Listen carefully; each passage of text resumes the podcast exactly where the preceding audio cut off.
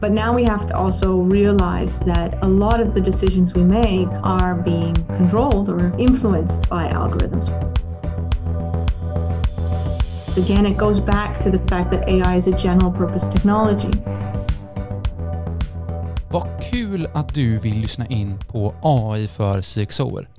Den här podden är en poddserie från AI Sweden och handlar om vad du som ledare och chef i svenska organisationer behöver förstå om AI. Mitt namn är Peter Gursvelli och i den här serien träffar jag några av Sveriges främsta AI-experter och pratar med dem om vad just de tycker att du som ledare och som chef behöver förstå om AI. Idag träffar vi Amy Lutfi. Amy är professor i informationsteknologi med bred kompetens inom artificiell intelligens. Amy är bland andra saker vicerektor vid Örebro universitet med ansvar för just AI-frågor. Hon är engagerad i flera initiativ som bland annat WASP, Omstartskommissionen, regeringens samverkansprogram och AI Sweden. Amy är helt klart en nyckelperson och en katalysator för svensk AI som vi kommer att få höra allt mer ifrån de kommande åren. Amy, a warm welcome to AI for CXOs. I'm so happy to have you here. Thank you. I'm happy to be here. I'm looking forward to this of many reasons, but one of the reasons uh, I enjoy talking to you is that you're really a tweet machine. Every time we have you in different types of events, we get these golden quotes that we use in, in other settings. So I think this one will be filled with, with knowledge and insights and tweets. Oh, great. Uh, I hope so too. I hope I can contribute with something, maybe not just a one liner, but contribute with, with knowledge. So, so Amy, for, for the people who doesn't know you, who are you? So I am a researcher first and foremost. I am a professor in information technology and my background is on AI and robotics. So how you integrate different technologies and methods within AI onto platforms that are embedded, embodied in the environment, like a robot, but uh, it really could be any type of, of, of physical system. And my speciality is looking at something called perception. So that means when you have a lot of data coming from different sensors and you want to make sense of that data, and interaction. So you have a system that is intended also to work with people. And you know, throughout my career, I've done a lot of research on the topic, published papers on the topic, and worked on different types of projects, both with other universities and with industry. And now I also have a bit of a more strategic role uh, at the university where I am uh, what's called a pro vice chancellor, uh, responsible for a strategic area, which is artificial intelligence. Uh, and this uh, role has also afforded me different opportunities to work strategically with AI, and even sometimes the more broader topic of digitalization. And one of the things I've done, particularly this past year, has been to work on something called Omstarts Omstartskommissionen, which is basically a, a, commission of, of a number of, of experts in different fields that have come together to provide a list of, of suggestions and recommendations about how Sweden should cope uh, post pandemic. And this was uh, a commission that was put together by the Stockholm Chamber of commerce. And then, in addition to that, I've also had the pleasure of, of working with the research community, and I'm engaged both with the WASP initiative and also working with you at AI Sweden. And uh, for people who don't really have been in the field of AI, how come you chose to work with AI? Well, I'm an engineer at heart. Uh, so my first degree is in electrical engineering, and I was exposed to AI in in the last year of my uh, engineering training. And to be quite honest, I was really disappointed with the course because you know, like many people walked into the course thinking that AI was this very cool, like science fiction stuff, and then when it was broken down to me in its most simplest component, I thought, is that all there is? And then I started to understand that there was something actually very powerful with that technology. Now, mind you, this was in the beginning of the 2000s, it was around 2001 when I took my first AI course. But I could still see that there was this potential to use some of these algorithms in, I would say, almost in an engineering like way. That means to use it as a tool to solve problems, because that's what engineers do. And I became really excited about how you could use AI to fix things, even though maybe at first glance I wasn't so excited about the technology or the algorithms per se. Then, as I kind of moved on to my research career, I started to try to make new algorithms. And to do that, I had to look at how humans solve problems. And so I think as I aged and as I progressed through my research career, I saw that AI could be a way for me to kind of discover a bit more about our own intelligence, our own way of solving things, and then trying to duplicate that process with the help of a machine. And I think that's the reason why I, I've been so interested in the field for so long. And then, then the question seems are you still disappointed in the field? Sometimes, yes. There are some things that I think AI should be able to do by now that I still think we don't have. Um, and we'll maybe get into that a little bit later in our discussions. But there are certain times when AI really sort of surpasses my expectations. So it's a bit mixed depending on the situation. Yeah. To get the listeners inspired and not to talk about disappointments. What has inspired you during the last couple of months? Are there any breakthroughs? I think one thing, and maybe it's not something that's completely radically new, so, one example is that lately I've been going through images because, you know, we've been in lockdown for some time and, you know, I have my family that is abroad. And I've been using a lot of the search features to go through your own sort of albums and searching by tags, like just looking for pictures where houses are present or where a certain family member is present. And I realized that this feature is just just so needed so that's one thing that I feel like, oh, this is very cool. And then if I'm going to take another example, which is perhaps has a bit wider impact, the other thing that inspired me was really recently what DeepMinds discovered when it comes to protein folding and to use an AI to figure out how certain proteins have been folded. And that's also another application where I just I feel really happy and grateful that I'm in this field and maybe can also can follow it and maybe contribute to it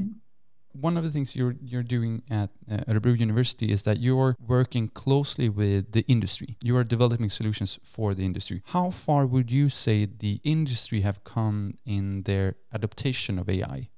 So I think industry is a very, very broad term. Uh, there are certain sectors that have excelled in the use of AI, uh, and these are the sectors which are, of course, the big tech companies. There are, however, many, many more sectors where I think they have been a bit slow in, in the adoption of AI.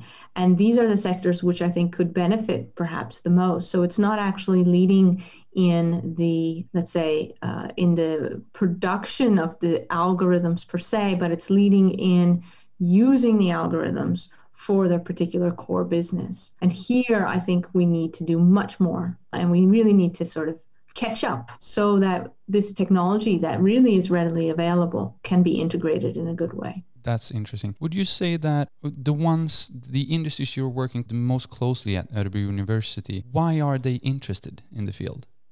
So, a lot of them are interested because they want to be more effective and they have a lot of pressure on them to be more effective, whether it's because of staffing issues or whether it's because they want to create a more sustainable business. That's one driver. Another driver and motivator is that they want to, of course, keep up that they have competitors, either who are in Sweden or also abroad, that are forcing them to change and to adapt and to modernize. And then there are a set of people who are genuinely curious, who just want to see what can be done with this technology, not so much because they want to sort of you know get some economical profit but because they also want to be an attractive employer that can attract a new generation of, of employees and, and sort of provide a, good working conditions and good quality of life for their staff. And I have to say this last category is perhaps the funnest to work with because there, you know, the possibilities are really endless. Yeah. Yeah. And for this podcast is targeting uh, CXOs. So we're talking CEOs, CFOs, CIOs, CDOs. What do you think they should understand or should know within the field of AI? So all of these CXOs, as you say, they are in a very, very important position because they need to sort of master two things at the same time. On one hand, they have their domain. So that means the business that they are running. And on the other hand, they have to kind of get a grasp, and I would say here a non superficial grasp of the technology so that they can see how the technology can be used for their particular business. And that is an art in itself. It really isn't something that you can teach somebody directly. It rather it, cre- it requires this creative leadership, visionary mind to say, well, yes, we have this technology and we can use it here, here, and here. But if we select it for this particular application, then we'll get the biggest benefit. And that ability to do that selection, I think, really lands on the highest level of leadership for a company. Yeah, I've heard you before talking about bold leadership or bold leaders. Do you see that that's something we have, or is it something we're lacking?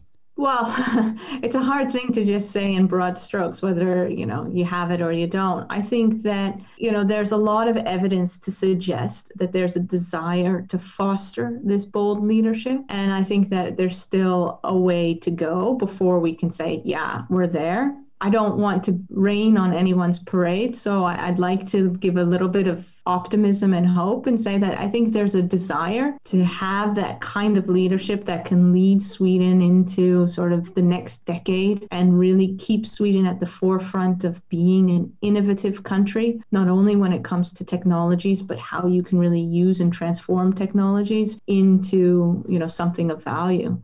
And for your recommendations, when you're working with boards or uh, management teams in, in companies, what's your recommendation? Where should they start? So I think one place that you need to start, it's a, a, sort of an absolutely prerequisite, is that you need to understand AI. And there's different ways that you can understand AI. One way is to take one of these sort of online courses. And I'm not sure I really recommend this for everyone. I think it's it's good for the curious mind. But let's say you're in a position of leadership where you're asking yourself, is this really the technology I need? I think then you might need a little bit more tailored help, somebody who is very good pedagogically that can guide you through what AI is and what AI isn't. And that could be, you know, turning to, for example, experts in academia that you have a good relation with that can give you that kind of knowledge, or turning to, you know, for example, AI Sweden and, and getting that in interaction. But you need to know what AI is. It's not enough just to have the buzzword and then bring it with you on your journey. So I think then once you have a very good grasp of, of what AI is, you've got to look into your own sort of your own sector, your own business, and ask yourselves, what ability do I have to use AI? And what kind of data is available and what kind of regulatory aspects around this data should I be aware of so that I can start to use or cannot use this data. So it's basically finding your prerequisites and being able to see, okay, where does the potential exist? And I'm sort of of this theory that you may have very big visions, like we want to eventually apply AI here, but that could be a much too large endeavor, a much too big step to take. So you know, the expression, you know, find the lowest hanging fruit. See where you can first start to apply AI and still get some value out of it. So that's, I would say, the, the next step is to isolate your use case. Where do you actually apply AI? Then, once you do that, I would say the next phase in this sort of recipe is really to look at the organizational aspect. So let's say you have identified your use case and you think that this use case will give you a lot of value. How does your organization look? And are they actually ready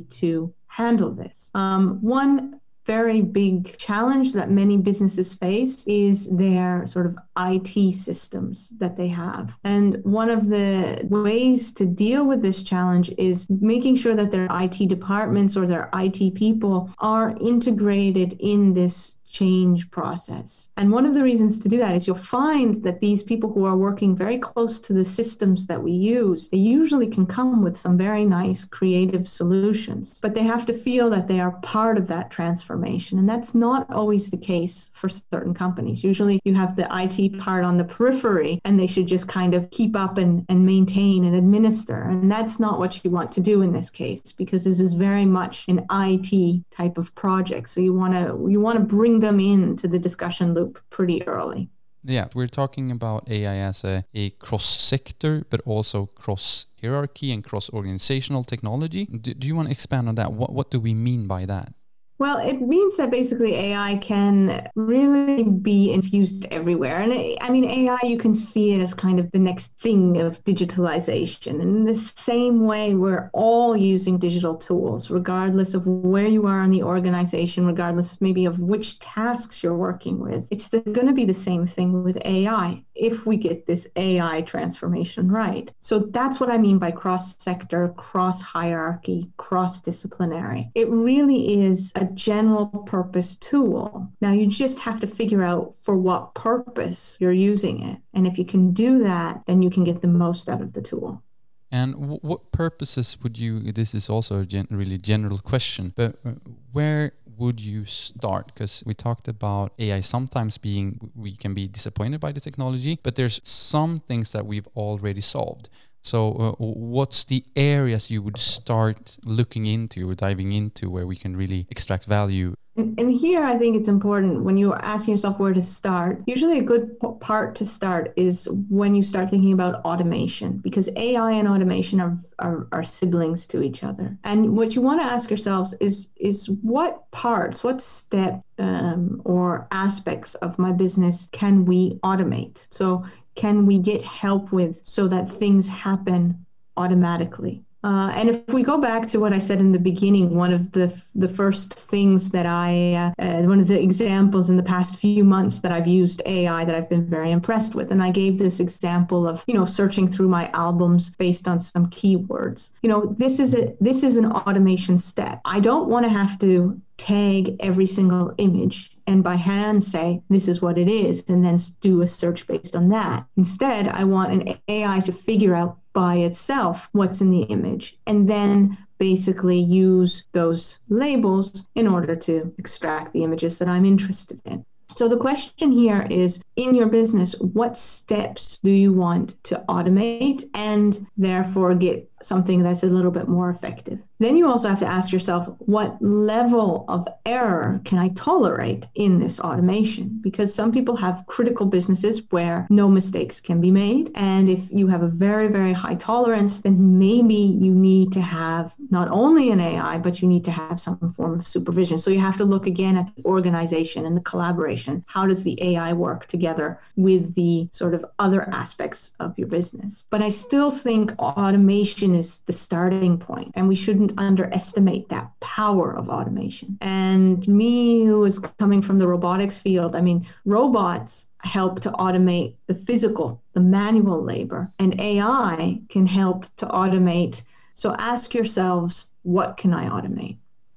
And talking about automation, because that has been an area where especially the manufacturing or producing industry has, has looked into over the last couple of years with Industry 4.0 as well. What do you think we will see happening within the coming 12 months? So I still think, you know, if we're starting to look at how we automate, like, for example, if you're talking about production, uh, we're talking about sort of physical environments, it's still, we're still quite far away. And that's because it's difficult to get good sensor data, sensor information um, that gives us accurate enough information upon which we can build actuation, so do actions. But still, regardless of that, if you ask me for the next 12 months, what I do think is possible is is that we are always collecting a lot of data that is reflecting our current sort of performance or you know we're we're doing things like process monitoring for example. We're collecting in data could be transactional data a lot of this kind of data that is telling us about how things are going. And what i see as a very big potential is using ai for its ability to do things like pattern recognition prediction in order to reveal to us some basic facts, if you like, about how well we're doing, and then using that as a decision support tool. This is a very sort of, I would say, an easy way to use AI that doesn't get you into a lot of legalities because you're not actually putting the burden of the decision making on the algorithm or on the machine, but rather you're using the algorithms to expose or to reveal to you sort of trends and patterns that are otherwise maybe not visible or not able to be processed by, by the human brain. And I think here we can make a lot better decisions based on information that AI is able to see and digest and maybe present to us. And, and here there's the potential.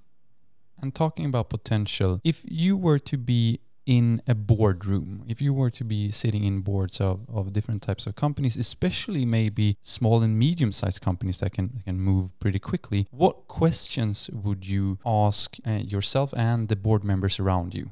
So I think one question that is is important is what are the qualifications of my board members? Where are they coming from? I really do believe in diversity in the in the in the board. By diversity, I really mean getting people from different backgrounds. Do we have someone who is technical enough on this board to be sure that, again, as I said, we're not just doing sort of a superficial adoption of a technology because it sounds cool, but we really understand what value this technology can bring to our business. So making sure that your board members are really well qualified is important. Uh, and I think a nice example uh, is, you know, if you take, for example, H&M, you know, they now have a professor in robotics on their board from, and she's from KTH and one of the leaders in in the Swedish landscape in AI. So you know, this is you know, I think something to think about for for the composition of the board. Then I think going back to your question, so what kind of questions do you want to ask uh, or should the board members be asking themselves when they have the possibility to, to do AI? So, one thing that I think is important is finding the right use case. So, it's not just about how do I use AI, but where should I use AI in order to get the most value? But then another thing that's important is applying AI on a scale you know doing it on a scale that will be meaningful um, what we see is that there are a lot of companies that are willing to dabble in ai that means you just try it a little bit here and there, but they're still not bold enough to take that leap. And what we see is that those companies that really are willing to leap onto the AI train, they tend to get the most benefit out of it. And the reason is because AI in itself works better when you scale. AI needs a lot of data. It, it needs sort of size in order to really pull out something that's representative of your problem. So there are a lot of things that you can gain from scaling up. You can gain that large transformation that AI gives, but you might actually also get a better AI at the end of the day. But it's a very scary thing to, to scale because it means you have to take risks. And then go on a, a, both a organizational but also a personal transformation. Yes. Yes, exactly. Yeah. And that's why, you know, the leadership is so fundamental. And, and, one can come, you know, from the bottom up, sort of say, where there's, you know, you have people in your staff who maybe have taken some courses and really want to go through a, a sort of AI like project. But to really lead the business and really take advantage of AI, I really believe that it requires bold leaders who are also knowledgeable about what the technology can bring. That's super interesting. One thing that you are doing to to basically prove this that this is an important uh, subject and this is an important theme for the future is that you are putting AI in all of your educations and all of your courses at Örebro University. Why do you think that is so important? Because I think that, you know, we're moving into a new era where algorithms play a bigger and bigger part in, in our lives. And we have been very good, I think, in, in adopting to, to digitalization, com- computerization. But now we have to also realize that a lot of the decisions we make are being controlled or uh, influenced by algorithms, whether they're recommendation systems, whether they're other types of algorithms that are doing pattern recognition and so on. On.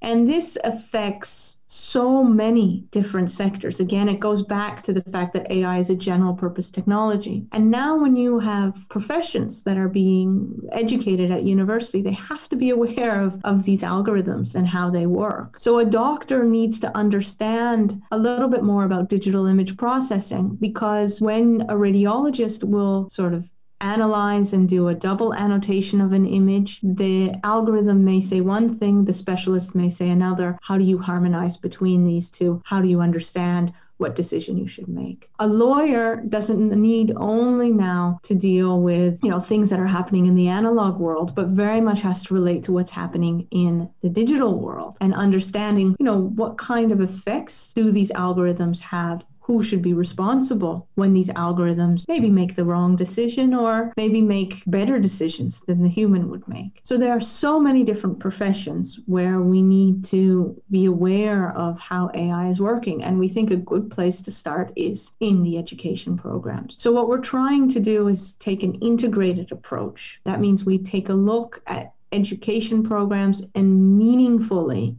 introduce concepts of AI uh, into these programs. And we don't want everyone to become engineers, that's not the intention, but to just educate sort of the next generation of different professions that are coming out into the, the market. Yeah, and the next generation of leaders and CXOs. That's right, yeah. I think you're doing a tremendous job, Amy, and I'm so looking forward following you and the work you're doing with uh, Örebro University the coming years because I know that you're really pushing the AI agenda in both education but also adoption uh, for uh, for companies all over Sweden. So thank you so much for joining me here today. It's been a lot of value as usual. Yeah, thank you. It's been a pleasure to talk to you. Thank you, Amy. Thanks.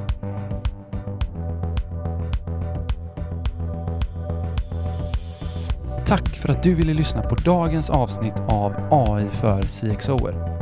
Om du vill veta mer om AI Sweden eller det svenska AI-ekosystemet så tycker jag att du ska kika in på ai.se. Där hittar du alla våra uppkommande aktiviteter. Du kan hitta länkar med tips och webbinarier.